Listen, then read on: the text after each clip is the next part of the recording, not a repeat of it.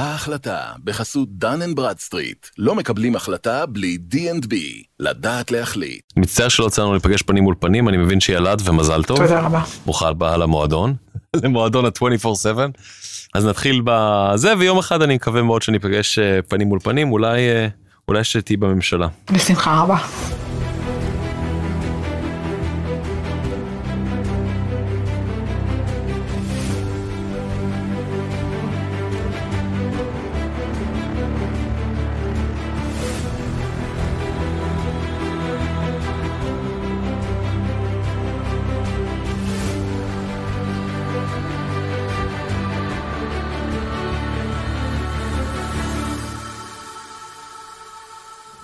שלום וברוכים הבאים להחלטה מבית N12 Business בחסות Dun & Bradstreet. הפודקאסט שחושף את מאחורי הקלעים של ההחלטות העסקיות המעניינות ביותר בזירה הישראלית. אני דובי פרנסס. מאות תושבי ירוחם נותרו מובטלים כשארבעה מפעלים נסגרו בעיירה הדרומית בשנים האחרונות, בזה אחר זה. בלית ברירה, ירוחם נאלצה לשנות כיוון אל ההייטק. כש-40% מהאוכלוסייה משתכרים בשכר מינימום או פחות, והעיר המרוחקת לא ממש מושכת את הטאלנטים מהמרכז, המשימה לא פשוטה. שלום לטל אוחנה, ראש מועצת ירוחם. שלום וברכה. טוב טל, ספרי לי, את יודעת מה, נלך אולי טיפ-טיפה אחורה, וספרי לי על ההחלטה האישית שלך לחזור לירוחם, ואולי גם על הרקע המשפחתי שלך והקשר לעיירה. אז אני אה, סיימתי את השירות הצבאי אה, בחוות השומר, וחזרתי לירוחם אה, כשהיו פה רוחות סערות, שבסופן קרה דבר מאוד טוב, ועמרם מצנע מונה להיות יושב ראש הוועדה הממונה. אה, חשבתי לעצמי אה, שאולי אני לא אחזור יותר וכדאי שאני אראה בשדות זרים. גרתי אה, שנים רבות בעמק יזרעאל היפהפה, התאהבתי בירוק. ואז בסיום התואר הראשון אמרתי שכדאי שאני אחזור קצת למדבר. היו אלו נסיבות מבית שהביאו אותי. התחלתי אה, למלא מספר אה, תפקידים אה, בתוך היישוב, ובמהלכם הציע לי מיכאל ביטון, היום יושב ראש ועדת הכלכלה, להצטרף אליו למסע פוליטי כשאני מספר 2 שלו, הייתי בת 26. שאלתי ותהיתי למה אני ולמה לי פוליטיקה עכשיו. אבל הוא אמר לי, זה הזמן שלך, את צריכה להחזיר בחזרה לעיירה שנתנה לך כל כך הרבה. אז אה, בעיניים עצומות הלכתי אחריו, אבל אז הבנתי שאין דבר שאני יכולה אה, להשפיע דרכו.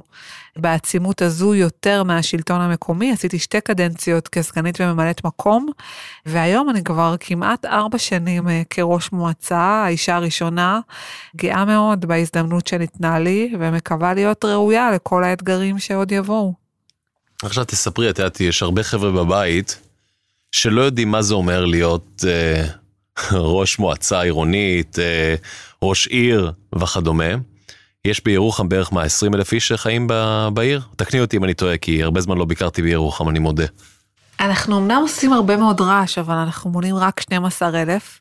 12. אני מקווה שבתום כהונתי אנחנו נהיה כבר 20, אבל זה המספר הנוכחי. טוב, זה כבר עניין של uh, התרבות האוכלוסייה, לא, בשל... לא, לא בשליטתך או בשליטתי. אנחנו אבל... צריכים אה, שיהיו פה שירותים מספיק אטרקטיביים כדי שאנשים יבחרו לעבור לגור כאן, אנחנו עובדים על זה, בינתיים אנחנו אחד מהיישובים הצומחים ביותר בנגב. יפה.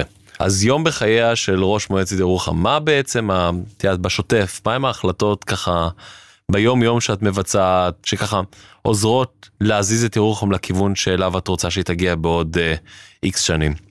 אז צריך להגיד שחייו של ראש עיר אה, מאוד מאוד אה, מגוונים.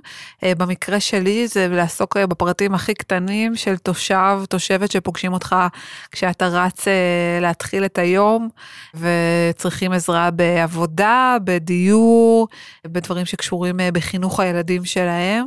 היום מתחיל בדיונים שמתחילים בבוקר מוקדם ומסתיימים גם לפעמים בשעה מאוד מאוד מאוחרת בלילה וכוללים את הניהול השוטף של העיר בסוג... סוגיות אה, של תקציבים, משאבי אנוש, תפעול, וגם סוגיות אסטרטגיות של איך מכפילים את העיר, איך מגייסים משאבים. אני חושבת שעיסוק הליבה שלי אה, מאז היבחרי אה, הוא הנושא של תעסוקה איכותית, והוא כולל הרבה מאוד פגישות עם יזמים, מחשבות איך מייצרים פה עוד משרות אצל מעסיקים קיימים, ובלבד שהן תהיינה איכותיות, איך גורמים לאלף אנשים תוך חמש שנים לעבור הכשרות מקצועיות רלוונטיות כדי שהם יוכלו להגדיל את יכולת ההשתכרות שלהם. באמת אה, עיסוק מאוד מאוד מגוון, כמו שאמרתי, מהפרטים הקטנים של חיי היומיום של התושבים שלי, ועד אה, סוגיות שתשפענה בעיקר על הדורות הבאים. זה מה שהופך את התפקיד הזה לכל כך מהנה וכל כך אהוב. כן, גם ממש מאתגר, כי אני חושב לעצמי, מזווית ראייה של אה, מעסיק גדול, בואי נאמר, ארגון גדול בישראל, למה שאני בעצם הייתי פותח עכשיו בירוחם מפעל, או רשת חנויות, או משרדים? איך את uh, מסתכלת על זה מזווית הראייה של המעסיק, לא המועסק? אני חושבת שדווקא בעת הזו, אה, פוסט קורונה, כשהמשאב האנושי הופך להיות אחד מהאתגרים הכי גדולים של המעסיקים, ירוחם מקבלת יתרונות. לא רק היא יכולה בעצם אה, לאפשר תעסוקה היברידית מרחוק, גם עבור אה, חברות שיושבות במרכז הארץ, אלא כי ה-DNA של העובדים שלה מאופיין במחויבות מאוד גדולה, בנאמנות, ביכולת לפתח קריירה לאורך זמן ולא לעבור ממעסיק למעסיק. אני חושבת שכל המעסיקים החדשים שהצטרפו אלינו לאחרונה זיהו את היתרון הזה. אה, אנחנו כמובן אה, מנגישים אה, משאבים שהמדינה מעמידה לטובת אותם מעסיקים בסבסוד שכר, בהחזר השקעות הון, במס חברות מופחת, בשטחי תעשייה שניתנים ללא מכרז ובסבסוד מאוד גבוה של המדינה.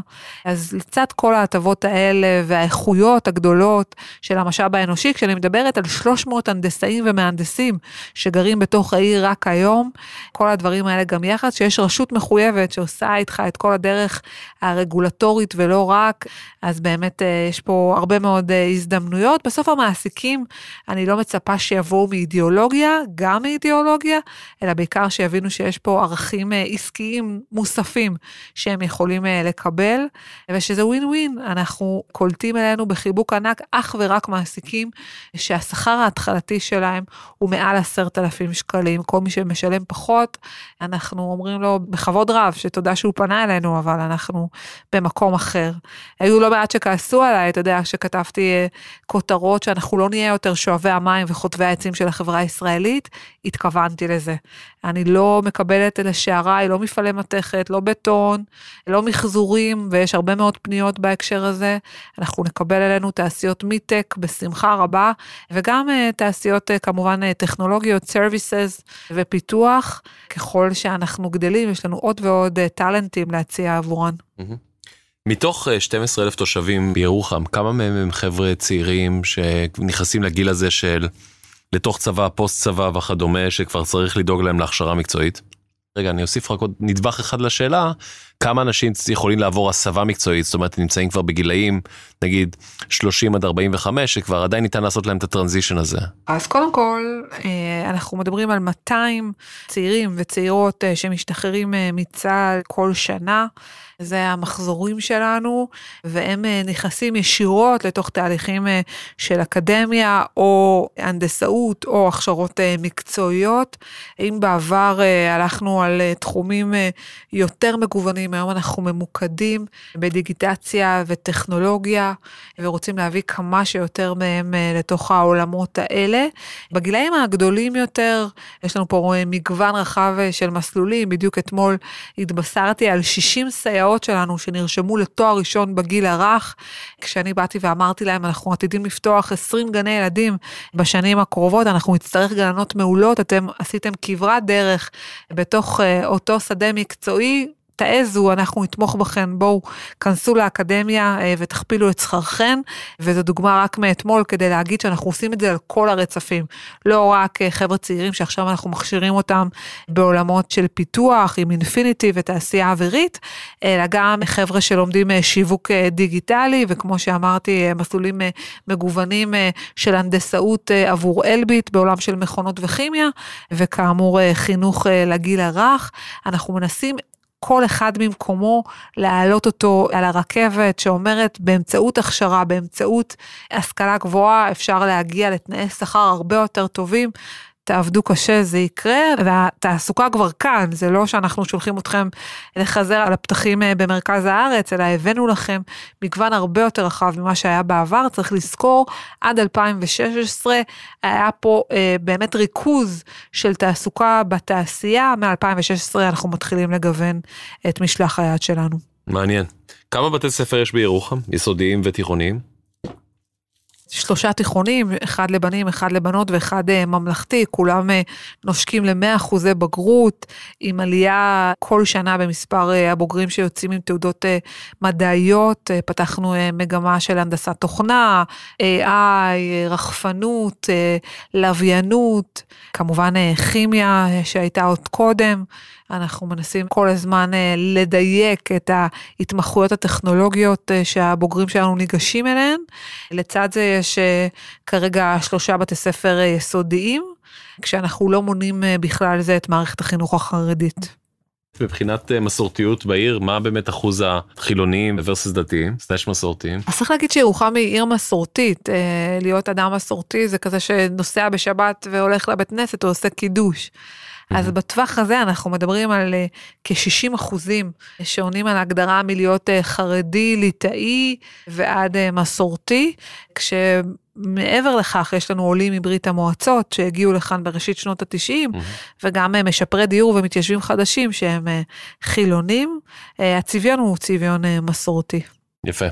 כשאת מסתכלת על הקשר עם תעשיית ההייטק הישראלית, כי סך הכל, אני חושב שבישראל, אם את מסתכלת על מספרים ככה מלמעלה, בערך, ושוב, אל תתפסי אותי במספר המדויק, אבל בערך, בערך, בערך, מתוך 1,100 חדי קרן אה, בחוץ, יש בערך דומני 97 98 אה, חדי קרן ישראלים. מתוכם יש כמה שהם מועמדים לספאקים כן? מועמדים להנפקות ציבוריות. דרך ספאק ששם לא בטוח שזה יקרה בסביבת השוק הנוכחית אבל בואי נאמר באזור כמעט 100 כמעט 10 אחוז מכלל שוק חדי הקרן. אז ישראל היא באמת מעצמת הייטק ואני תוהה לעצמי מתוך כל החדי קרן החדשים שנוצרו באקוסיסטם הישראלי מתוך החברות הגדולות באמת Fiverr ו Wix.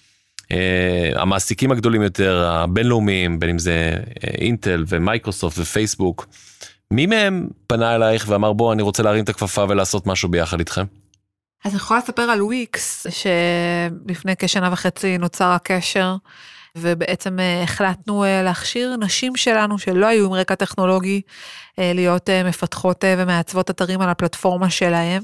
הם היו שותפים משמעותיים במימון, ולא רק מימון ההכשרה, אלא איך לסייע באמצעות הבאת לידים, כדי שהם תוכלנה לעבוד ולתת שירות כבר בתום ההכשרה.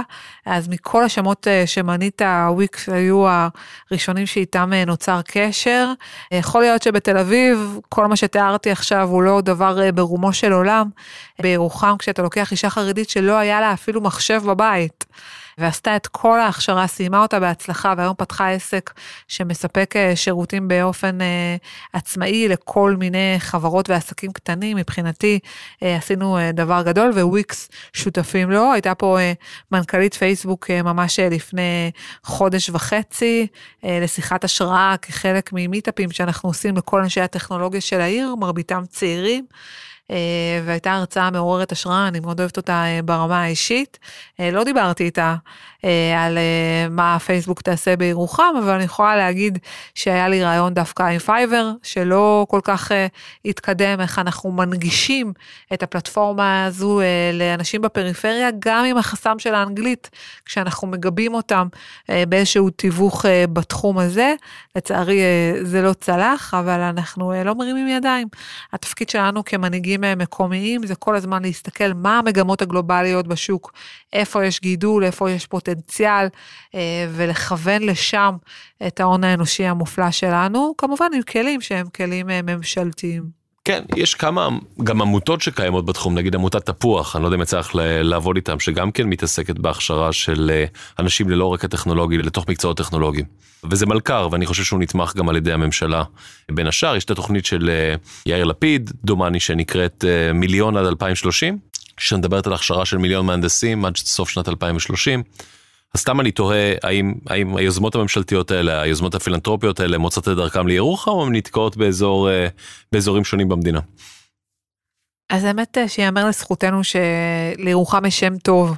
אה, בקרב הארגונים החברתיים ומרביתם אה, פונים אלינו או שאנחנו פונים אליהם ונענים בחיוב אה, לקיים פה שותפות. תפוח או בשמה החדש בהקשר הטכנולוגי אפל סידס גם נמצאת איתנו בתהליך של פתיחת קורס למפתחים full stack.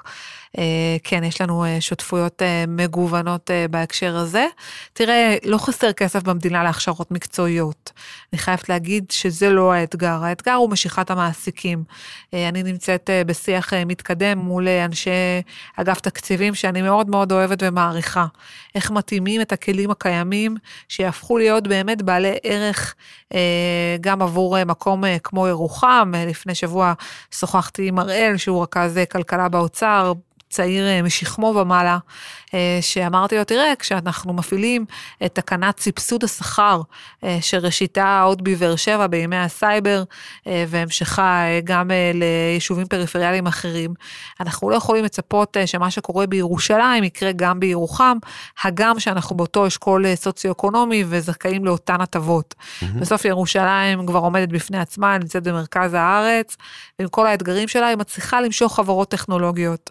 היכולת שלי באותם כלים ליצור תחרות שתביא את אותם מעסיקים לירוחם, אה, היא מאתגרת יותר, ואנחנו צריכים אה, ליצור בידול שלוקח גם את העומק הגיאוגרפי אה, כשיקול מפתח, ולא רק את המדד הסוציו-אקונומי.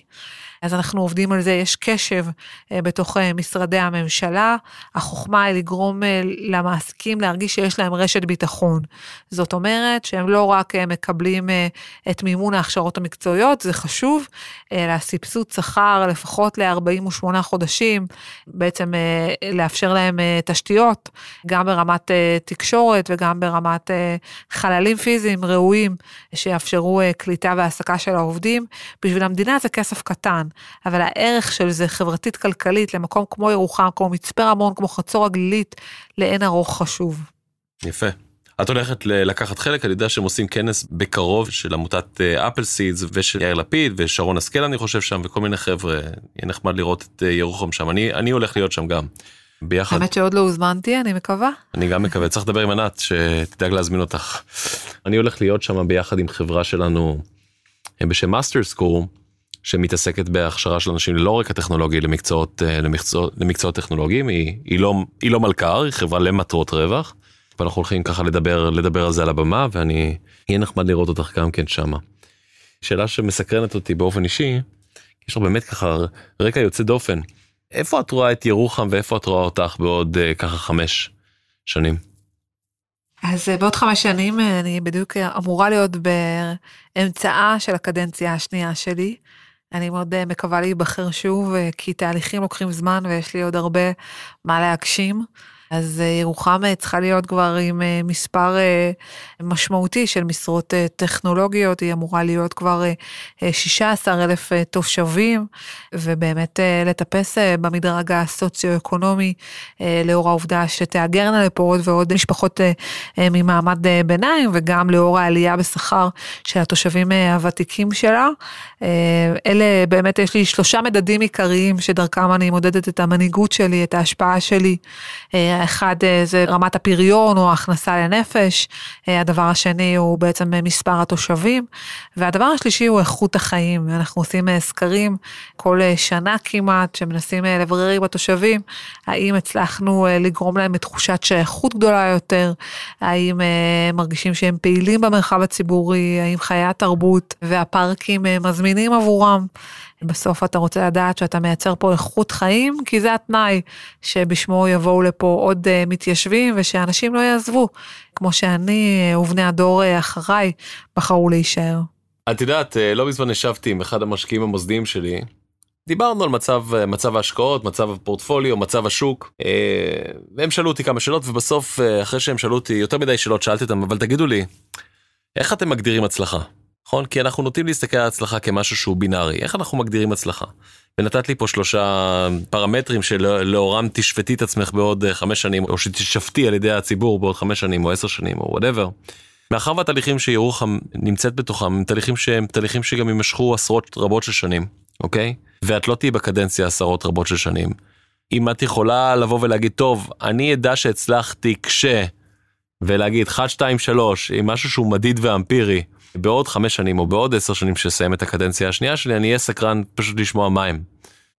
אז אה, ירוחם אה, תמנה 20 אלף תושבים, תהיה באשכול סוציו-אקונומי חמישי, ותהיה עם אלף אנשים שעברו תהליכי הכשרה טכנולוגיים והשתלבו אה, בתעסוקה מהסוג הזה. מדהים. ולאן טל תמשיך? הייתי מאוד רוצה להיות בעמדה משפיעה ברמה הממשלתית. הגם שאם יציעו לי להיות בתפקיד משמעותי למען החברה הבדואית, הייתי עושה את זה בשמחה רבה. אני חושבת שזה אתגר לאומי מאוד גדול בעת הזו. הלוואי אה, והידע המוניציפלי, חברתי-כלכלי שאני מביאה איתי מכאן אה, יוכל להוות ערך. רוצה לעשות למען המדינה, בגבולותיה או מחוץ לגבולותיה, בכל מקום שאני אוכל אה, לתרום לו. מקסים, כן. קודם כל יש לי פינה, פינה חמה בלב גם כן לדרום. גם כי למדתי באוניברסיטת בן גוריון, גם כי השירות הצבאי שלי היה בדרום הארץ, חלק ניכר ממנו בבה"ד 1. ככה, יש יש לי חיבור כזה גדול למדבר. אני באמת ובתמים מאמין שההצלחה שלך וההצלחה של הדרום היא הצלחה של מדינת ישראל בעוד 20 שנה מהיום. כי פיצוץ האוכלוסין שמתרחש פה באזור המרכז וקריסת התשתיות זה משהו שלא יכול להימשך בקצב הצמיחה הנוכחי, אנחנו מתרבים בישראל, אני מדבר על הממוצע בין חילונים למסורתיים, לערבים, ל-whatever, אוקיי? בקצב של 2.2 ילדים לזוג. וזאת צמיחה, אגב, דרמטית גבוהה יותר ממה שאנחנו מכירים באירופה ובארצות הברית. ששם הכלכלות אה, מזדקנות ומתיישנות, אבל השטח הגיאוגרפי שלנו מאוד מאוד מצומצם, ומה שאנחנו נראה, אנחנו נראה זליגה מאוד מאוד משמעותית בעשורים הקרובים לכיוון הדרום, וצריך להיות מוכנים לזה. אז המלאכה שאת עושה היום היא גם הנחת בסיס לא רק עבור ירוחם, אלא עבור המדינה כולה. ל- לראייתי לפחות, כן. ושוב, אני לא פוליטיקאי, אני רק אדם שמסתכל על מגמות uh, מלמעלה.